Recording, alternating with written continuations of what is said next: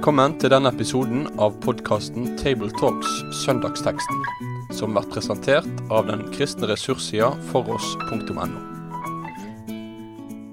Ja, Da vil jeg gjerne ønske dere velkommen til et uh, nytt opptak i Tabletalks fra gruppa som er i Rogaland. Denne gangen så er det Øyvind Solheim og Jan Helge Aarseth som er med og skal samtale litt sammen over teksten til såmannssøndagen. Eh, og nå finner vi en tekst fra Det gamle testamentet denne dagen. Den henter jeg fra 5. Mosbok, kapittel 6, og det er versene 1-9 som er satt opp som eh, preketekst her. Eh, og Kanskje da vil jeg be deg, Øyvind, om du kan lese de bibelversene til oss. Dette er de bud, de lover og de forskrifter som Herren deres Gud har befalt meg å lære dere, og som dere skal leve etter i det landet dere drar over til og skal ta i eie. Slik skal du frykte Herren din Gud og ta vare på alle hans lover og bud som jeg byr deg, både du og din sønn og din sønnesønn, alle ditt livs dager, for at dine dager må bli mange. Så hør Israel, og akt vel på å holde dem, så det må gå deg vel, og dere må øke og bli tallrike, slik som Herren, dine fedres Gud, har lovt deg, i et land som flyter med melk og honning.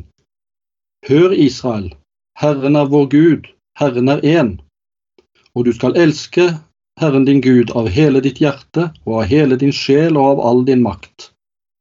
Disse ordene som jeg byr deg i dag, skal du gjemme i ditt hjerte, og du skal innprente dem i dine barn, og du skal tale om dem når du sitter i ditt hus, når du går på veien, når du legger deg og når du står opp. Du skal binde dem som et tegn på din hånd, og de skal være som en minneseddel på din panne. Du skal skrive dem på dørstolpene i ditt hus og på dine porter. Ja, da er vi eh, langt tilbake i tid, og her møter oss eh, da Moses som taler til israelsfolket. Eh, det har vært en liten eh, debatt nå i vinter angående dette med om en skal bruke Det gamle testamentet på talerstolen i Den kristne kirke. Men vi er vel kanskje sikkert enige Øyvind, at det er viktig å ta fram og, og bruke slike tekster?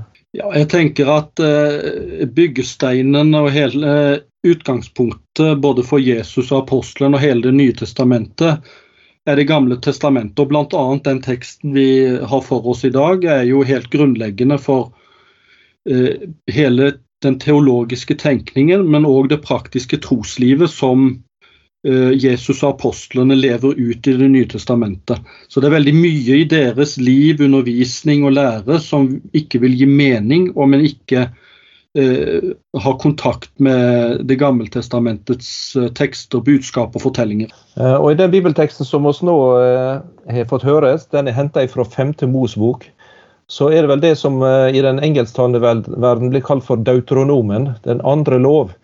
Der en på en måte får en eh, oppsummering og delvis repetisjon av noe av det som den loven som kom tidligere. Det er vel det som skjer også her når Moses står framfor folket. Hva er på en måte ramme og bakgrunn, kan en si, omkring disse ordene her? Ja, altså Femte Mosebok er vel på mange måter en en, en gjentagelse av uh, de første Mosebøkene. Gjentagelse av det som skjedde med israelsfolket i, i utfrielsen og i ørkenen og lovgivningen. Uh, på, på, hebraisk så er det vel slik at det, det er en gjentagelse av loven. Uh, og vi er på Moabs sletteland, altså på østsiden av Jordan, med utsikt mot Jeriko. Eh, og folket har vandra i 40 år. Altså utfrielsen og lovgivningen på Sinai ligger bak, og så 40 år imellom. Og så står de på Moabs sletteland og skal innta det lovede land. Eh, og så holder Moses en siste tale hvor han gjentar og minner folket om Guds store handlinger, men også om lovene som ble gitt ved Sinai. Eh, og så avsluttes det med en nydelig eh, avskjedssang på slutten av femte Mosebok. da. Så vi kan se for oss eh, en andregenerasjons Altså for de fleste er døde av de som opplevde utfrielsen og Sinai-fjellet, eller lovgivningen. Og så er det andre generasjons uh, gudsfolk som nå er på vei til å gå over Jordanelva og inn i det lovede landet. Eh, jeg fikk en assosiasjon akkurat når du, du nevnte på det. Eh, hvis du tenker parallelt til Nytestamentet her, altså da Kristus som den andre Moses, mm. som da etter påske med korsfestelse og begravelse og oppstandelse, da til slutt står på Galilea og taler til disiplene og den lille flokken han har, med, med, utsendelsen og misjonsbefalinga og, og dette, de, disse her hans, hans, ord som blir sendt ut her. Det er nesten en parallell til Moses her, som, ja. som ligger i disse ja, men, ja, men det, jeg tror det, det, det, er en del ting som uh, minner om, om, Moses og Mosebøkene i, i, det som skjer, og, og, måten Jesus handler på i evangeliene. Så det, jeg tror ikke det er på en måte helt borte, det, nei. Det er noe der. Og så Før vår tekst så har på en måte Moses minnet folket både om Herrens store trofasthet, men også i kontrast til folkets store troløshet. da. For noe av grunnen til at de vandra 40 år i ødemarken, var jo at de ikke stolte på Herren helt, og ikke ville uten videre følge uh, Herren og stole på Han. Så, så, så, etter at han har minnet dem på det, så er det i kapittel 5 at han gjengir de ti budordene. Og så er vi vel så å si midt inne i vår tekst, da. Mm. Og så kan en vel si at de ordene som vi uh, hørte nå, de, de inneholder vel en del av Israels historie og på vandringer. Og dette med Moses som da formaner dem uh, med dette med forholdet til gudsåpenbaringa og dette. Men samtidig så er det veldig store teologiske uh, og veldig sånn tungt, tunge på en måte byggesteiner når det gjelder gudsbildet og gudstrua i dette her. Jeg tenker bl.a. på dette som vi finner i vers 4 med det som blir kalt for den jødiske trosvedkjenninga. Eh, ja. Som en jøde da vil si fram og bekjenne eh, mm. når han skal bekjenne trua på sin Gud. Mm. Eh, så der er vel noe med gudsbildet her som er veldig viktig å ta med seg. Ja.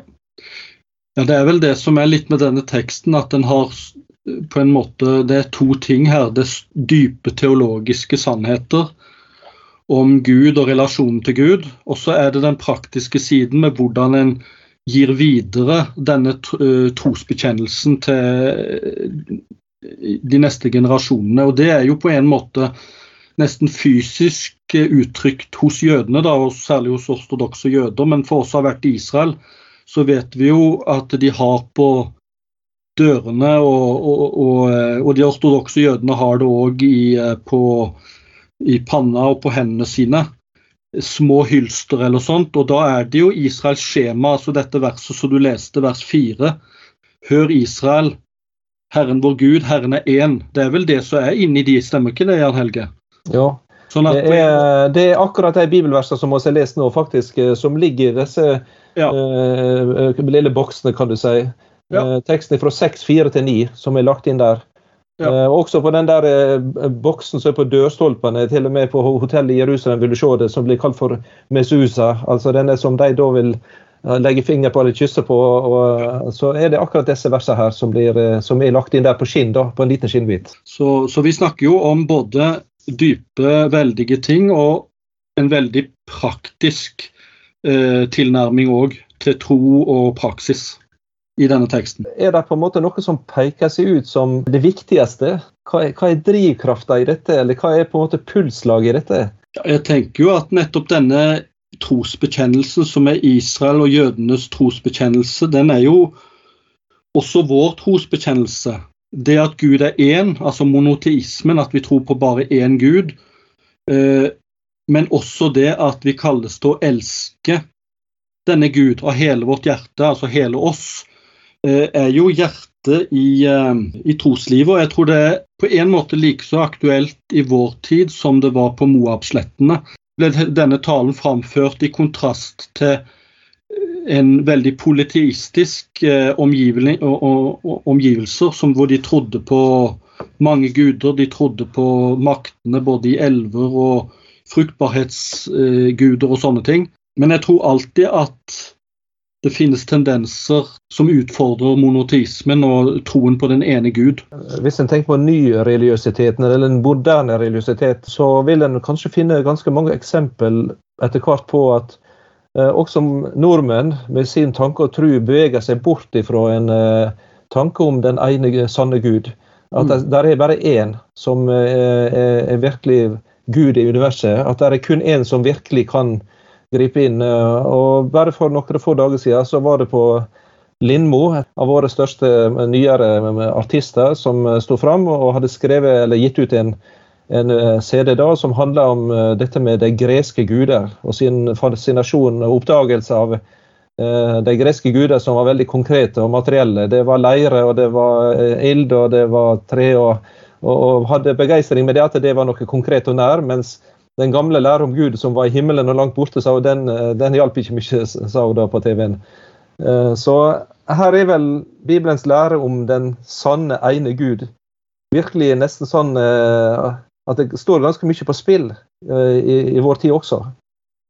Ja, det tror jeg, og jeg tror at en som forkynnere og formidlere må ta fram dette som en viktig sannhet. At Gud, og for det er jo det som er budskapet her, at den Gud som førte Israel ut av Egypt, og som òg sendte Jesus, han er den eneste som alene er Gud i tilværelsen. Han er den absolutt enestående. Eh, den eneste som hviler i seg selv, og den eneste som er kilde til alt liv, til hele skaperverket. Eh, og så tror Jeg jeg selv er jo vokst opp i Japan og satt akkurat og leste i en, en, ja, eh, en japansk kirkeleder som skriver litt om monotismen og det første bud i japansk kontekst. Eh, og Da refererer han til en samtale mellom en filosof og en vitenskapsmann, hvor de var skjønt enige om at monotismen har vært viktig en tid, men nå må vi på en måte legge monotismen bak oss fordi, og begrunnelsen er, jeg mener at monoteismen har vært en religion for utnytting og erobring av naturen, mens i polyteismen er fjell og elver guder. For monoteismen, troen på en transcendent, altså overnaturlig gud, benekter eksistensen av fjellguder og elveguder. Det fører til at en fritt kan utforske og utnytte naturen. Og Dette sier, eh, refererer han, og det er jo en del år siden, også før vår tids viktige klimafokus, for det er viktig. Men også i vår tid møter vi litt igjen dette med tanker om moder natur og nær sagt eh, makter og naturens eh, betydning, og kanskje nær sagt elve- og fjellguder igjen. Men kanskje på en litt annen måte å snakke på, da. men jeg har nå selv vært misjonær også eh, i en politistisk sammenheng. sammenheng. Der dette med naturreligionene er på en måte det, det bærende. Og Deres tanke er også dette at den som er skapt oss, er på en måte reist ifra oss og forlatt oss alene. Og Det var den norske artisten da, som var på Lindmo. Hun hadde liksom den tanken at vel, hvis det var en gud i himmelen, så hadde jeg iallfall ikke noe med oss å gjøre nå. Men det er selvsagt en stor misforståelse. For denne Eh, Gud som er den ene Gud, han er ikke denne fjerne, men han er den som sjøl kom til oss og steg ned. Og er så nær som noen kan bli, sjøl i smerte og lidelse og død.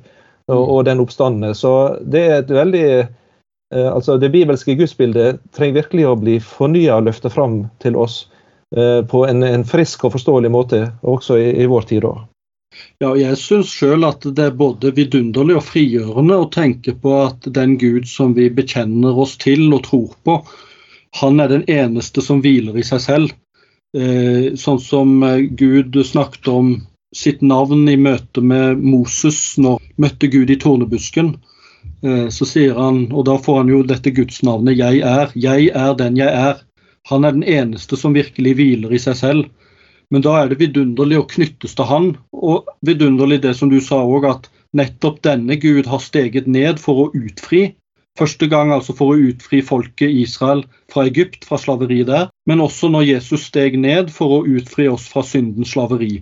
Så er det på en måte noe egentlig vidunderlig at Gud får være Gud, og så skal vi få lov til å tusle med å være mennesker. Men det er noe frigjørende med det. At Gud er Gud, og derfor så kan vi på en måte overgi oss tillitsfullt til Han. Eh, og Da er også eh, kanskje Øyvind over på det neste punktet som du allerede har nevnt. Dette at eh, denne mm. levende, ene, sanne, virkelige Gud, det handler om dette med ordet kjærlighet. Mm. For det må en vel si er et sentralt ord i, i disse versene som gitt her når det gjelder gudsforholdet og det å kunne, kunne formidle det.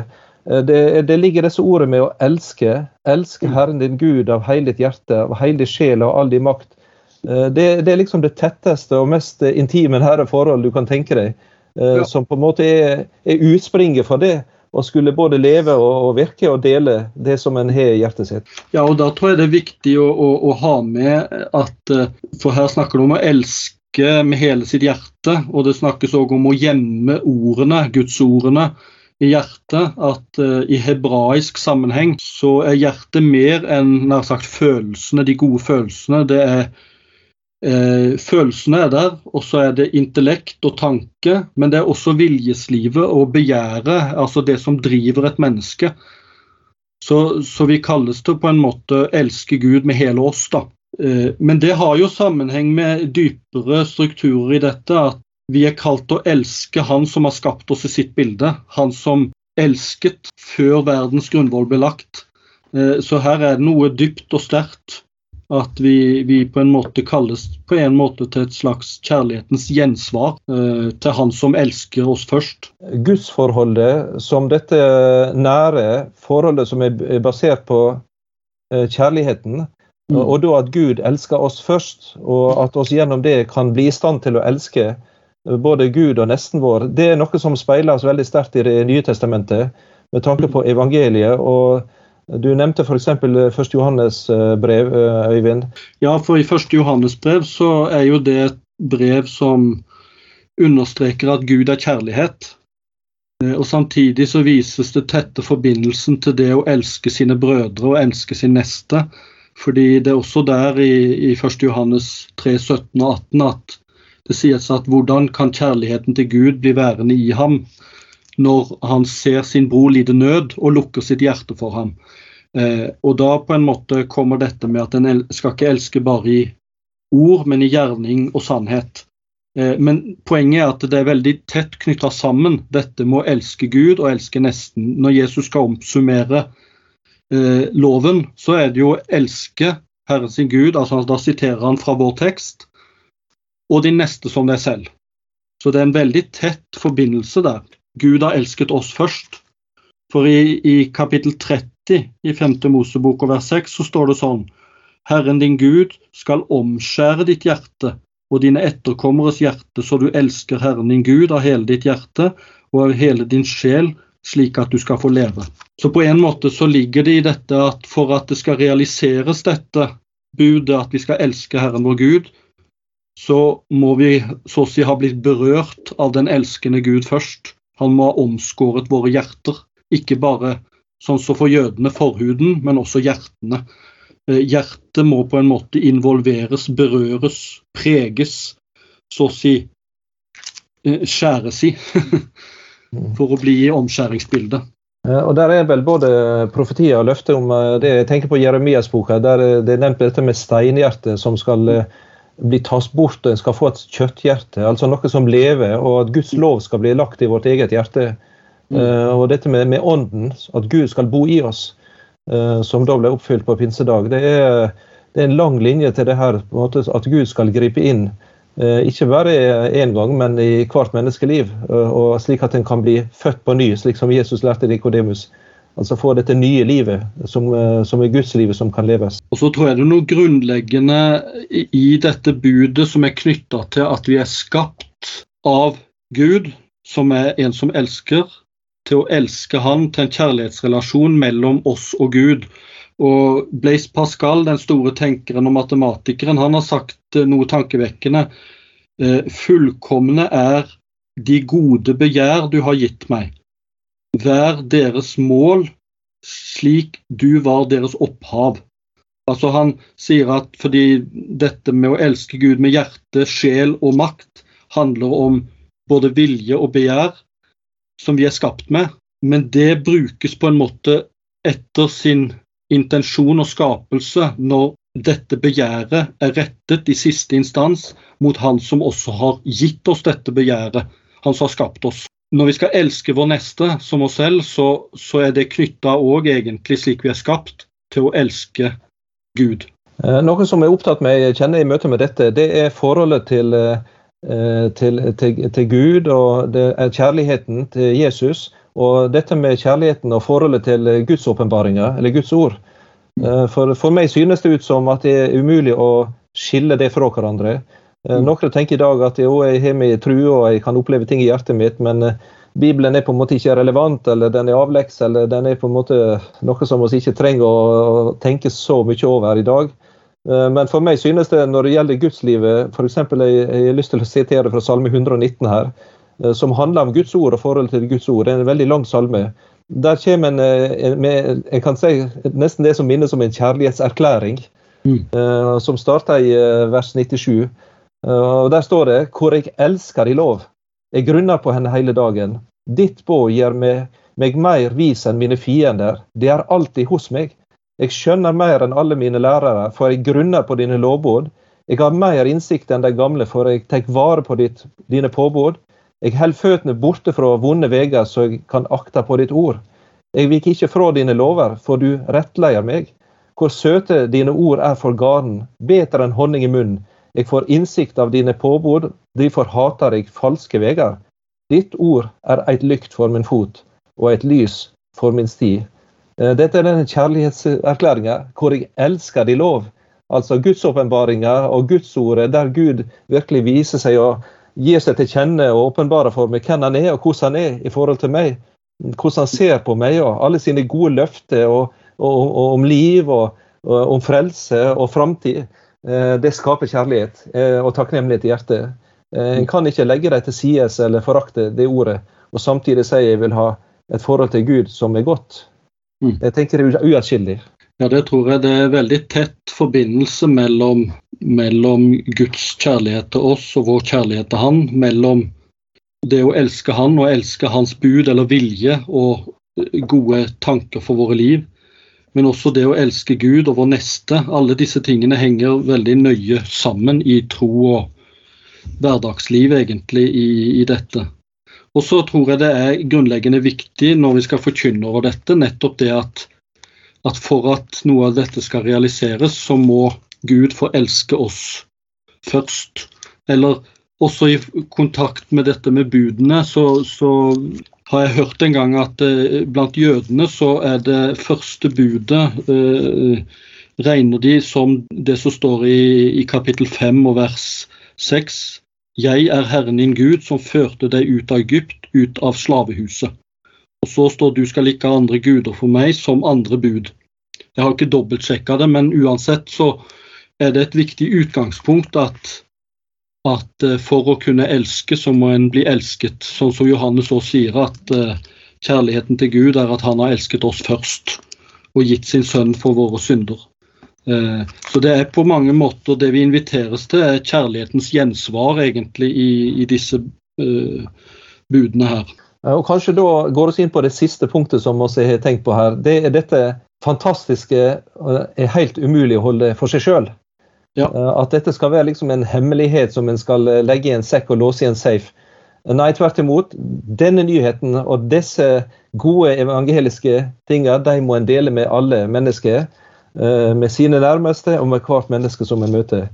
Og Da er jeg også vel over mer på dette med kristenliv og dette med, med, målet for vår hverdag her. og Da går det på eh, fra, fra vers 6, altså disse ordene som vi pålegger deg, skal du bevare i ditt hjerte, og så at du skal innprente dem i barna. Det er noe med at det skal på en måte leves i vårt vårt eget liv, men så skal vi bringe det videre til alle vi er glad i.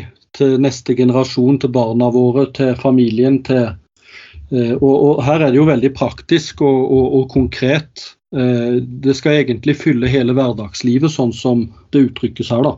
Ja, I den uh, liknelsen som Jesus som er satt opp også som en fortellingtekst fra Lukas 8, med de fire grøde jordsmonnene, så er den gode jorda nevnt.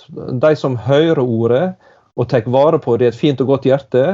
Uh, men så stopper ikke det der. Det står videre en heller ut og ber grøde.